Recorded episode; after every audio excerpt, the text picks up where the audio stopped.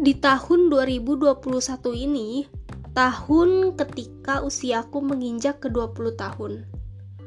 Usia ketika kita semua bisa jatuh cinta, usia ketika kita meributkan hal-hal sepele, contohnya kenapa akhir-akhir ini hujan selalu turun di sore hari.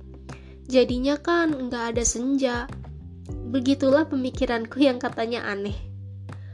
Hal-hal nggak penting kok dipikirin sampai segitunya sih.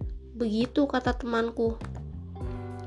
Kata orang dewasa, usia 20 tahun itu adalah masa-masa yang serius, masa-masa pendewasaan yang bisa disebut kita nih udah bukan anak kecil lagi.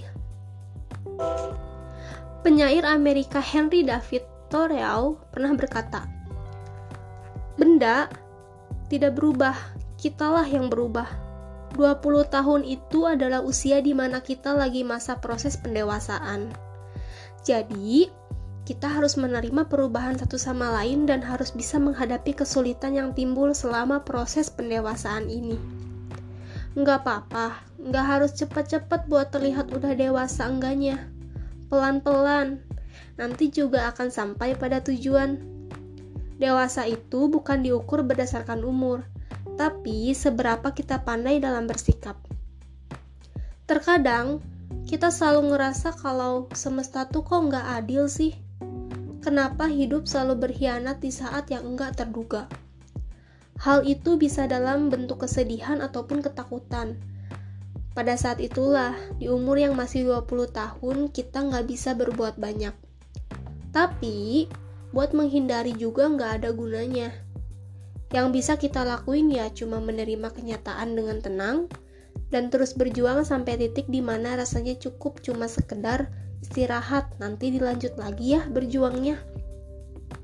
Semuanya cuma perlu pelan-pelan kok, nggak usah buru-buru. Kita selalu ngerasa kalau waktu mengubah segalanya, tapi sebenarnya kita sendirilah yang harus mengubahnya ngelihat teman-teman masa sekolah yang sekarang udah dewasa dan menyenangkan, mereka berhasil ya.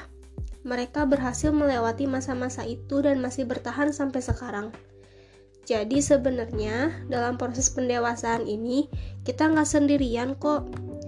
Sesuatu akan jadi sangat luar biasa kalau kita ada kemauan untuk mengembangkan bakat kita masing-masing dan mewujudkan mimpi kita. Intinya, Lakuin semua hal yang membuatmu senang, ikutin kata hatimu. Jangan sampai nantinya menyesal di kemudian hari dan mencari-cari alasan buat nyalahin diri sendiri, apalagi nyalahin orang lain. Semangat, berjuang pelan-pelan ya.